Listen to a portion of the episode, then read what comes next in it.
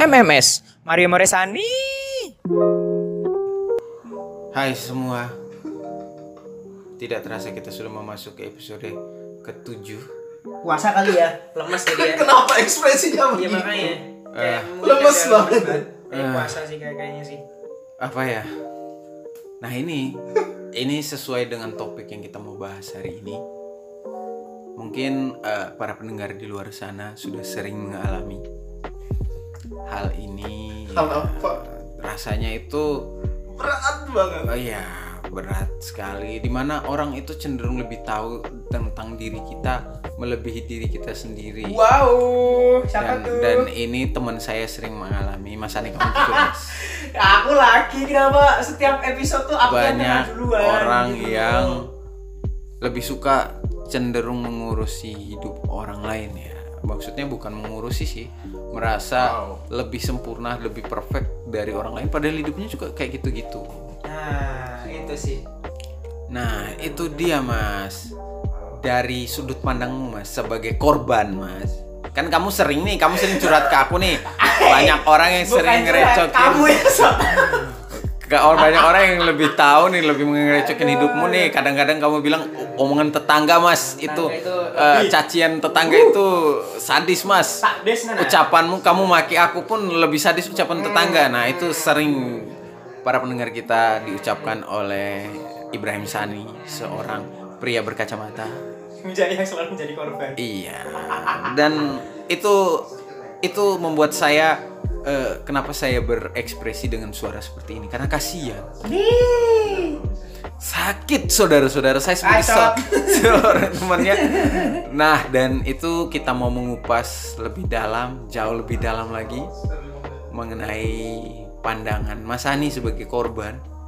Bukan korban sih, saya rasa semua dari kita pernah mengalami. Pernah itu. mengalami pastinya. Nah, di mana orang lain itu cenderung lebih suka mengurusin hidup kita ya. Mm-mm. Mm-mm. Banyak malah. Iya, tapi itu saya rasa bagus sih. Tuh kan. Kamu senang Jadi, kalau ada yang kalian para pendengar- mengintervensi diri kamu. Jadi kalian para pendengar udah tahu kan siapa pelakunya. Nah, udah itu aja. Bukan juga, maksudnya begini. Nggak usah Tapi, defense ya, tapi, Mas. tapi satu sisi aku Satu senang sisi- loh. Satu sisi Ada yang merhatiin. Ada yang berarti iya sih. bukan bukan juga begitu. Di mana ada pepatah yang mengatakan pohon yang akarnya kuat itu adalah pohon yang sering disapu angin kencang. Quotes malam ini Mario satu, eh, Mario dua, Sani baru satu. Ya. Oh, masih Saya kosong. kosong. Masih kosong. Oke, jadi eh, kembali lagi bersama kita MMS dan malam ini kita akan membahas topik yang tadi baru kita bincangkan adalah topik mengenai kenapa sih orang itu lebih suka mengurusin hidupnya padahal eh, hidupnya dia sendiri pun belum tentu baik. Nah, Kak Mores sebagai seorang yang mungkin eh, Oh, sering aktif aktif ya eh, dalam eh, Dia aktif dari semenjak bayi. ya, Aktif berolahraga. Maksudnya uh, Kak Morris kan sering sering bersosialisasi ya, apalagi Pagi siang malam aktif. apalagi di lingkungan apa ya namanya Eh, tuh? di lingkungan eh, peribadatan ya. Nah, Kak Morris kan eh, salah satu eh, orang yang aktif di situ di komunitas-komunitas kecil itu. Nah, Kak Morris pernah mendapati tidak orang yang suka seperti itu? Padahal hidupnya eh, menurut Kak Mores pandangan Kak Mores sebagai dari sudut pandang orang ketiga Kak Mores ini melihat bahwa orang itu dia cenderung hidupnya itu biasa saja bahkan apa yang dia omongkan ke orang lain itu semacam dia mengatai dirinya sendiri dia belum sempurna ya Tapi hanya mencari korban. iya Nah. seperti itu Ya, kalau yang kayak begitu Eh, ada saya- banyak sih. oke Ada banyak di di lingkungannya saya. Mm-mm. Ada banyak seperti itu.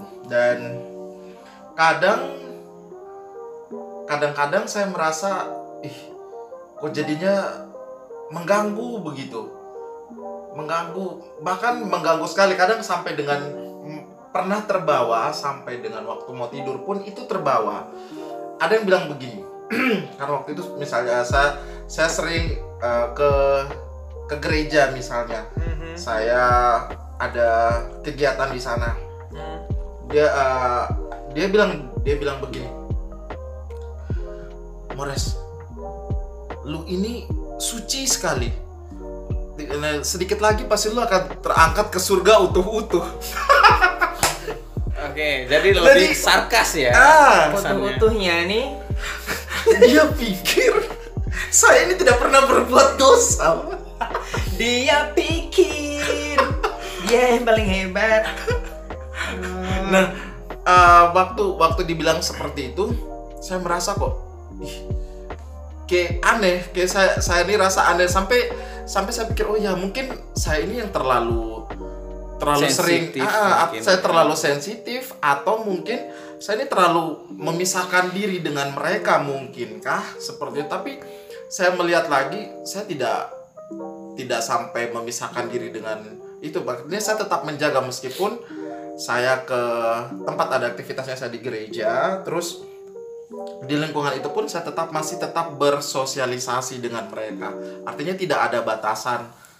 Bahkan sampai apa ya sangat sangat sangat mengganggu. Tapi sudahlah saya buat biasa saja anggap saja itu eh, bagian dari warna sari hidupnya saya. Oke, jadi ya slow aja Tapi memang Kak Mores, kalau misalkan orang yang baru pertama kali kenal Kak Mores itu akan menganggap Kak Mores itu lebih tipe-tipenya religius. Kak Mores. Ah, benar. Omong-omong tentang religius, pernah satu kali, bukan satu kali, malah sering. Kalau saya di tempat tempat-tempat umum, misalnya di tempat perbelanjaan atau di mana, ada yang bilang kalau saya ini Pendeta. bukan frater. Ada yang Oke. bilang frater. Sampai pernah waktu itu ada yang pernah bilang, Om ini minta maaf ya saya sebut ini. Ada yang bilang, sampai ada- pernah ada yang bilang, frater ini tugas di mana? Kalau orangnya saya tidak pernah ketemu sama sekali. Sampai ada yang bilang, frater tugas di mana? Saya bingung. Mau emang- jawabnya bilang apa? Emang tampak luar tuh kamu alim, Iya. kamu res. Tampak luar. Nah, Tampak dalam. dalam hancur banget mas. nah itu itu juga yang mendasari eh, alasan pemilihan karakter kita di eh, video Sans kemarin ya. Di mana Sans dengan lagi, dengan lagi. dengan apa namanya? Angelic voice itu ya, Voice, wah yes. itu tapi memang benar-benar menjiwai sih untuk tampak keluarnya, tapi sudah dikonfirmasi tampak dalamnya ya biasa-biasa saja pemirsa. Jadi eh, buat kamu di luar sana ya kalau melihat kamu res seorang yang mungkin kamu anggap eh, sangat religius, hati-hati. Apa Tapi itu? nanti saya percaya eh, kalau misalkan eh, pada saat kita pertama kali nanti untuk eh, membuat sebuah podcast dengan menampilkan muka kita, pandangan kalian ke Kak Mores itu tetap sama seperti kalian pertama kali melihat Kak Mores. Tapi jika sering ya biasa aja. Oke, kembali ke topik ya. Jadi eh, rasanya kalau cuma bertiga Mm-mm. kita kita eh, untuk menghubungi narasumber saya rasa itu masih masih masih wajar sih bagaimana kalau kita menghubungi bintang Siapa lagi tamu Bintang tamu lagi nih. Wow. Bintang tamu lagi. tapi sebelum itu kita bahas dulu nih sebagai korban bulian nih Mas Ani nih karena eh, para pendengar ya eh, teman-teman para pendengar followers kita di sana Mas Ani tuh sering curhat sih sama saya Eh, dia tuh dia tuh Diam-diam ya ternyata kamu sering curhat Nggak, juga. nggak, nggak, Kok dia- nggak nggak curhat ke aku gitu. dia tuh Maria ingin menjadi sosok pahlawan dia. dia itu sering curhat ya seperti tadi sudah dibahas omongan tetangga tuh lebih sadis ya. Memang sih kalau saya kadang-kadang eh, bukan bukan membuli beliau sih, saya menasihati, menegarkan. Karena memang kita sebagai senior ya. Cheers, Cie, senior, junior. Eh, Oke. Hormat pak, hormat pak. Nah, itu itu adalah salah satu iklan sebenarnya. Jadi itu saya mau menunjukkan bagaimana eh, orang lain tuh lebih suka cenderung mengurusin hidup orang sedangkan hidupnya sendiri belum tentu benar. Nah, itu. Nah itu dia. Nah ini juga sering terjadi bahkan pada lingkungan kerja, lingkungan sekolah juga seperti itu. Oke lah kalau misalkan masih dalam tahap belajar ya, di lingkungan bangku sekolah, karakter kan bisa diatur dan dibentuk dari sana. Tapi kalau sudah memasuki selepas sekolah, di mana kehidupan bersosialisasi sangat diperlukan, saya rasa eh, memang sih tidak melanggar secara langsung terhadap nilai-nilai dan norma-norma hak asasi manusia ya, tapi sangat mengganggu. Bahkan eh, berdasarkan data yang saya pernah baca, eh, pelaku bunuh diri di Jepang itu pun berasal dari korban bully. Iya. di Korea pun seperti itu. Negara-negara maju di sana ya karena itu kembali kepada eh, akar masalahnya. Orang itu cenderung melihat eh, apa ya kelemahan di mata di di diri sesamanya tapi tidak mengintrospeksi ke dalam dirinya sendiri. Kalau bisa saya mengutip sebuah eh, ayat al eh ayat dari sebuah kitab suci eh, agama tertentu di mana di situ ada disebutkan eh, anda melihat sebuah balok dalam eh, Anda melihat selumbar dalam mata saudaramu tapi Anda tidak melihat balok dalam matamu sendiri. Nah, itu ya Ya. Nah, itu ya itu itu seperti itu. Artinya eh, mungkin kalau misalkan kita ibaratkan dengan peribahasa Indonesia ya, Mhm. Kuman di seberang- sem- ya kuman di seberang lautan tampak tapi gajah di pelupuk mata sendiri tidak, Tidak nampak. Nah, itu dia. Dan Kayaknya ini itu pukulan telak juga deh. dan ini juga merupakan sebuah penyakit masyarakat sih yang memang sudah menjadi budaya turun temurun. Tapi kalau menurut aku bulian zaman dulu sama bulian sekarang beda sih. Iya, Maksudnya karena kalau karena sekarang kan lebih lebih kompleks kan. ada iya dan Iya. ada media sosial juga kan. Kalau bulian dulu kan maksudnya apa ya? Eh bulian dulu ya sa- sama sih sebenarnya sih, cuman dampaknya terhadap orang yang dibully itu tidak separah sekarang kalau menurut aku. Karena kalau dulu tuh eh, kita em, em, apa maksudnya pas zaman kita dulu mungkin kalau kita dibully malah membuat kita semakin kuat sih kalau nggak salah ya ya maaf kalau salah bisa dikoreksi Loh, loh, loh. cuman kalau zaman sekarang tuh kan maksudnya bulian kan bisa lewat bisa lewat apa aja bisa lewat media sosial kayak apa kayak dia semua media wadah yang bisa apa menjadi eh, media untuk membuli itu. Dan dampaknya pun sekarang kayak lebih lebih ini aja sih lebih parah aja daripada yang dulu gitu loh. jadi orang-orang yang dulu yang sebenarnya kena bully itu malah yang sekarang malah bisa lebih kuat daripada orang-orang yang bully yang zaman sekarang itu malah jadi gampang lebih depresi gitu loh. Itu sih kalau menurut aku dan apa ya ya Lebih mempengaruhi mental ya. ah, kalau kalau sekarang tuh kayak mentalnya tuh mental terlalu tempe loh Bukan juga tempe. sih. Sekarang itu karena mungkin ya berawal dari medsos yang semakin banyak, Mas. Mhm. Orang cenderung menya- eh, menyandarkan dirinya itu pada status, Mas. Status medsos. Jadi apa-apa tuh curhatnya ke medsos. Di situ. nah ya itu Nah, orang Itu berdoa juga. pun sekarang lewat medsos. harus medsos ya Iya, jadi apa pun yang sebenarnya eh, cuma Anda dan Tuhan tahu, sekarang bisa Semua orang dunia tahu. Dan itu merupakan sebuah kebanggaan, bukan sih? Ya, Tapi ada, ada yang merasa itu bangga ada yang merasa itu ya nah, Ya. begitu orang bangga, artinya begitu dia Balik curhat, lagi ke pribadinya Ah, ah, masing-masing. begitu dia curhat dia bangga dan dia merasa dia sudah lebih baik dari orang lain Iya. juga. Nah, Bener-bener. Nah itu juga eh, kembali ke bullying tadi nih. Nah bullying kalau dari zaman dulu sampai sekarang yang masih awet itu ya pertanyaan kapan nikah itu. wow kamu res Iya. Sering malah. Nah kalau kalau nggak kapan nikah, kapan punya anak, kapan punya rumah, kapan Hmm. kerja, kapan lulus kuliah dan masih banyak kapan Jadi, kapan yang lain. itu Nah tuh kayak kayak berurutan aja sih kalian belum lulus kuliah nanti ditanya kapan lulus U- udah lulus ditanya kapan, Kapan kerja, kerja? Nah, Eh, udah setelah kerja kerja, kapan, kapan nikah kapan nikah? udah nikah Kapan punya anak? itu kayak berlanjut aja terus gitu loh setelah punya anak, kapan anak kedua? nah itu terus udah kayak berkelanjutan aja sih Nah, sebenarnya sih. itu sebenarnya Padahal pertanyaan-pertanyaan itu sebenarnya mungkin terdengar biasa-biasa saja, Hmm. tapi padahal padahal kalau yang kena yang itu sempat mem- mempengaruhi, Iya, benar, psikis. mempengaruhi psikis.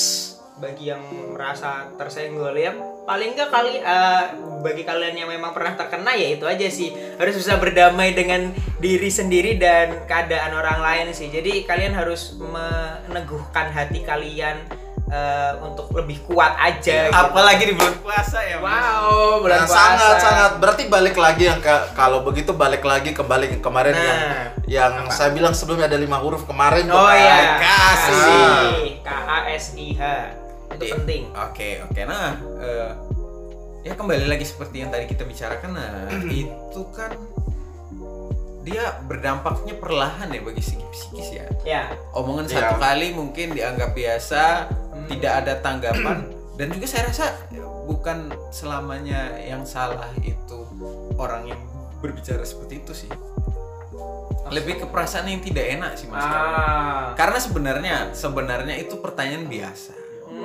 Tapi karena orangnya ini cenderung memilih diam ya. dia tidak mau menyerang balik Heeh. itu menjadi sebuah eh, apa ya pisau bermata dua juga Ya, Dimana- balik lagi sih mas Iya. orangnya sih. ini Ada karena yang mau- karena memang Eh, ada- ada- ada- ada yang Ah, sudah terhubung ada nih. yang mau offense. nah karena pembahasan kita ini cukup pelik malam ini kita perlu mengajak seorang bintang tamu yang sudah terhubung bersama kita Eh, mungkin eh, bisa menyapa para pendengar kita halo Halo? Halo, ya selamat malam. Oke, Oke. mungkin eh, para pendengar yang sudah menyaksikan episode kita sebelum-sebelumnya ini eh, bisa Ya, menebak siapa benar-benar dia pemilik suara ini. Heeh. Dia kayaknya banyak sekali ini ya pakar ahli ya. Iya. Suaranya seksi ya? Heeh. Nah, kita sambut Ibu Ain. Yeay. Nah, Hai, Ibu Ain. Ain. Ya karena bilang ibu jadi ya. Oke, Kak Ain. Kak Ain. Kak Ain. eh, malam ini topiknya kapan Kak Ain nikah? Wow, langsung ditembak dong. Nah, bukan bukan jadi bukan bukan bukan- itu, bukan- bukan itu. bukan, bukan, bukan. Jadi Bukan yang kita eh, mau membahas pada malam hari ini adalah eh, kenapa orang-orang di luar sana itu cenderung lebih suka mengurusi hidup Orang lain. dibandingkan hidupnya sendiri. Heeh. Nah, salah satunya seperti pertanyaan-pertanyaan yang cenderung biasa kayak tadi kan, pertanyaan-pertanyaan sederhana yang bagi yang menanya itu biasa saja, tapi bagi yang menerima itu damage-nya luar biasa kayak tadi. Saya coba pura-pura bertanya, Kak Ain kapan nikah? Nah, gitu. Padahal saya tahu Kak Ain ini eh, sebentar lagi akan menikah begitu. Kita aminkan semua, guys. Amin. Ketawa ya? Boleh. Boleh. Gak apa-apa, Ain. Selama itu belum dilarang.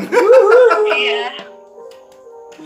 Um, dijawab apa masih ada mau apa begitu? Enggak, langsung aja. Langsung aja. Komentar aja. Monggo. Kalau perta- pertanyaannya tadi apa? Kenapa orang-orang di luar sana suka mengurusi hidup eh hidup orang lain? Ah, gitu? Daripada dirinya sendiri. Daripada dirinya sendiri. Sifatnya orang nih, kita kan tidak tahu. Basically kembali kepada diri sendiri. Mungkin mereka ada yang cuma sebatas ingin bertanya atau supaya untuk memulai suatu obrolan atau Ah. mungkin mengisi kekosongan dari obrolan atau mungkin memang dia itu sudah basic mannernya sifatnya itu emang suka sibuk aja sama urusan orang kayak kapan sih nikah eh kenapa belum punya pacar eh kenapa kemarin pakai baju warna orange atau warna pink kok ganti motor kayak gitu gitu kan pasti ada tuh di lingkungan kita nih sekitar sekitar kita Iya. Berarti banyak faktor Banyak ya. faktor ya. Untuk apa namanya? eh eh, apa namanya kayak kepo-kepo gitu berarti ya.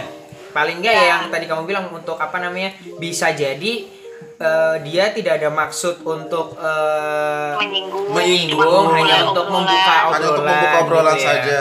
Mm-mm. bisa jadi sih. atau mungkin ketika ngobrol terus lagi kosong entah nggak tahu topiknya ke mana ya udah asal basa basi aja gitu Hmm. Tapi- nah damage-nya itu kan tergantung ke orang yang menerima gitu Hmm. kayak tadi tuh waktu ditanya aku sebenarnya sebenarnya lucu sih Hmm. ya Iya. ya udah kok ditanya kapan nikah sih ya udah santai aja santai aja gitu Hmm. Tapi kan gak enak juga kalau misalnya ketemu terus pertanyaan itu sering diulang-ulang dengan orang yang sama. Misalnya. nah itu dia beda tuh beda lagi kalau misalnya setiap hari ketemu Kamores nih kan kita ke kantor ketemu Ah, ditanya terus eh, Kamu res kapan pagi, nikah? eh, ah, kamu res kapan nikah kamu res padahal ketemu nih setiap hari udah tahu nih kamu res gimana gimana mungkin kalau ini aku bilang aja kamu res nggak punya pasangan nih tapi aku nih ya misalnya udah tahu kamu res nggak punya pasangan pas ketemu kamu res tanya aja terus kapan nikah kapan nikah kapan nikah Tapi kalau orang yang yang tanya yang berbeda gimana? Sikapnya gimana? ya tergantung yang menerima pesan itu tergantung Ilfil dari ya. orang yang menerima Iya. pesan itu Iya pasti. sih. Iya sih. kalau orang yang berbeda berarti oh oke nih dia baru ketemu nih jadi oh so fine so far is Fine, fine lah iya. kalau ditanya ya kalau manusia yang sama ditanya terus apaan sih kurang kerjaan gitu ya Iya. Iya. Setuju, setuju. Tapi eh damage-nya lebih banyak ke cewek enggak sih? karena kan kalau untuk pertanyaan-pertanyaan tertentu kayak kapan nikah itu kan lebih ke cewek-cewek yang sudah mulai memasuki usia mendekati 30 rata-ratanya banyak karena memang kita dengan kebudayaan ketimuran kita kan lebih cenderung menganggap perawan tua itu tabu ya eh not not offense ya jadi enggak enggak enggak maksudnya cuma ini, ini lucu ya jadi jadi kan kayak gitu kan kalau misalkan cowok nih cowok mendekati 30 dianggap ya biasa saja lah dia cowok dia masih bisa dapat cewek yang banyak yang baik Tuh, Banyak. Enggak kok Cewek tapi banyak. itu Hmm. kalau pertanyaan-pertanyaan kayak gitu mm, tidak tidak tidak cewek tidak harus tidak cewek, cowok cewek, ah, tidak tidak tidak cewek, harus mengenal cowok deh. tidak mengenal gender sih Hmm. kalau udah kayak gitu bisa Iya, aja yang cowok tapi- malah lebih tersinggung gitu Nah, kan tapi tapi itu rata-rata yang ditanyakan kapan nikah itu adalah cewek lebih banyak frekuensinya dibandingkan cowok nah kayak gitu Ah, ah. karena kenapa karena memang kita mungkin ya seperti tadi saya bilang kan kembali ke budaya timur di mana masih menganggap eh, wanita yang mungkin fokus ke karir belum nikah dulu itu masih dianggap hal-hal yang asing ya. Bukan budaya Indonesia katanya sih seperti itu. Tapi kan sebenarnya emansipasi wanita ini penting sih. Tapi sudah diga, di ganyang-ganyang di ganyang apa ya di gembar-gemborkan digembar-gemborkan tapi pelaksanaannya ya masih sama seperti dulu. Seperti itu makanya pertanyaan-pertanyaan itu lebih sering muncul sih kayak kapan nikah kapan punya anak. Beban psikisnya tuh lebih besar. Kalau cowok kan ya bodoh amat. Tapi kalau dari Ayu sendiri maksudnya untuk menyikapi hal yang seperti itu gimana? Eh, santet. menyikapi. Ya mak kayak dengan pertanyaan-pertanyaan yang Ah. begitu Halo? halo oh kirain putus Wow. Ain tolong jangan ketawa Ain Iya. Oh, oh, nggak boleh ketawa ya. boleh boleh boleh tolong jangan keluarkan ketawa kasmu yang kita sering pakai di iklan itu Oke, jadi sebenarnya cara menyikapinya itu apa ya? Punya mindset, punya pola pikir yang yang yang yang apa sih being realistis aja gitu kayak keadaannya emang belum ada di belum ada kepikiran untuk menikah jadi kita terima aja pertanyaan kayak kapan mau menikah? Ya tinggal jawab aja kapan kalau udah siap? Atau enggak nanti deh kayak kayak lebih Kayak Kalau jawabnya emang- may, maybe yes, maybe not gitu ya. tapi tapi lebih lebih lebih sakit nggak sih kalau misalkan itu ditanyakan oleh keluarga yang sudah tahu kita yang sudah mengenal kita? Atau lebih sakit ditanyakan oleh orang yang mungkin cuma teman cuma itu? Menurut Kai gimana Eh, tidak sakit tidak ada apa-apa biasa saja. Kalau kalau untuk secara pribadi ya pribadi aku secara pribadi ya sudah. Kalau ditanya ya udah santai. Tidak tidak menyikapi secara apa sih istilah sekarang baper. Tidak tidak. I'm not a typical like that. Maksudnya nggak nggak nggak take it nggak nggak nggak nggak nggak take it as personal gitu nggak disimpan di hati gitu kalau ditanya. Kecuali Dewasa. gitu ya kecuali dibilang eh, masa udah masa ngomong ke apa ya body shaming atau fitting gitu Mhm. masa kayak gini tapi kok nggak punya pacar masa kayak gini nah kalau kayak gitu tuh kayak apa sih urusan lu gitu sekalipun dia orang dekat Oh, atau iya. orang asing atau Ya, oke. nah, kalau itu sudah lebih itu, lebih hmm. lebih personal lagi kan Iya, lebih personal lagi karena Iya. membawa apa hal fisik kali ya. ah, ah. jadi kayak apa sih urusan lu sama sama diri saya gitu Mhm. body body gue gitu Ah. tapi kalau hmm, tapi kalau untuk yang kapan menikah kapan bla bla punya pacar dan sebagainya ya kapan Oke aku aja. siap ya udah itu oke keren luar lah keren. Luar biasa salut salut salut salut salut, salut, jadi eh, biarkan semuanya berlalu seperti air ya karena Eh, it ya peribahasa mengatakan anjing mengunggung kafilah berlalu. Nah eh, biasa. kita rasa cukup itu Thank you, Ai. ya, terima kasih Thank you. Ai. Thank you, Hai. pakar segala bidang ya. ya nanti biasa kita ya. undang ke podcast biasa kita kamu. selanjutnya ya Kak. jangan bosan-bosan ya semoga besok tidak ya oke Oke, thank you. Dah. Nah. Selamat malam.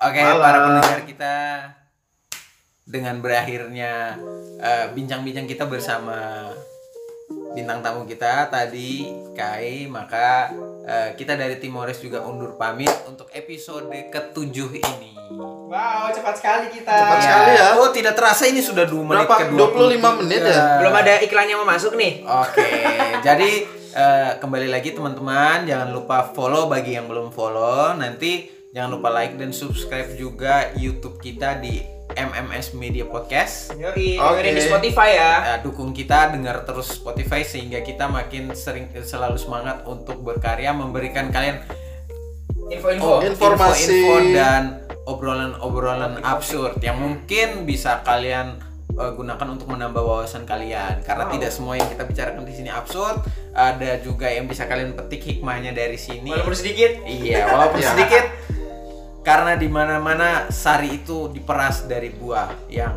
besar menjadi sedikit saya rasa cukup untuk episode kali ini saya Mario undur diri Saya Sandi. Saya Mores. dan jangan lupa saksikan video-video episode kita selanjutnya. Bye bye. Dah.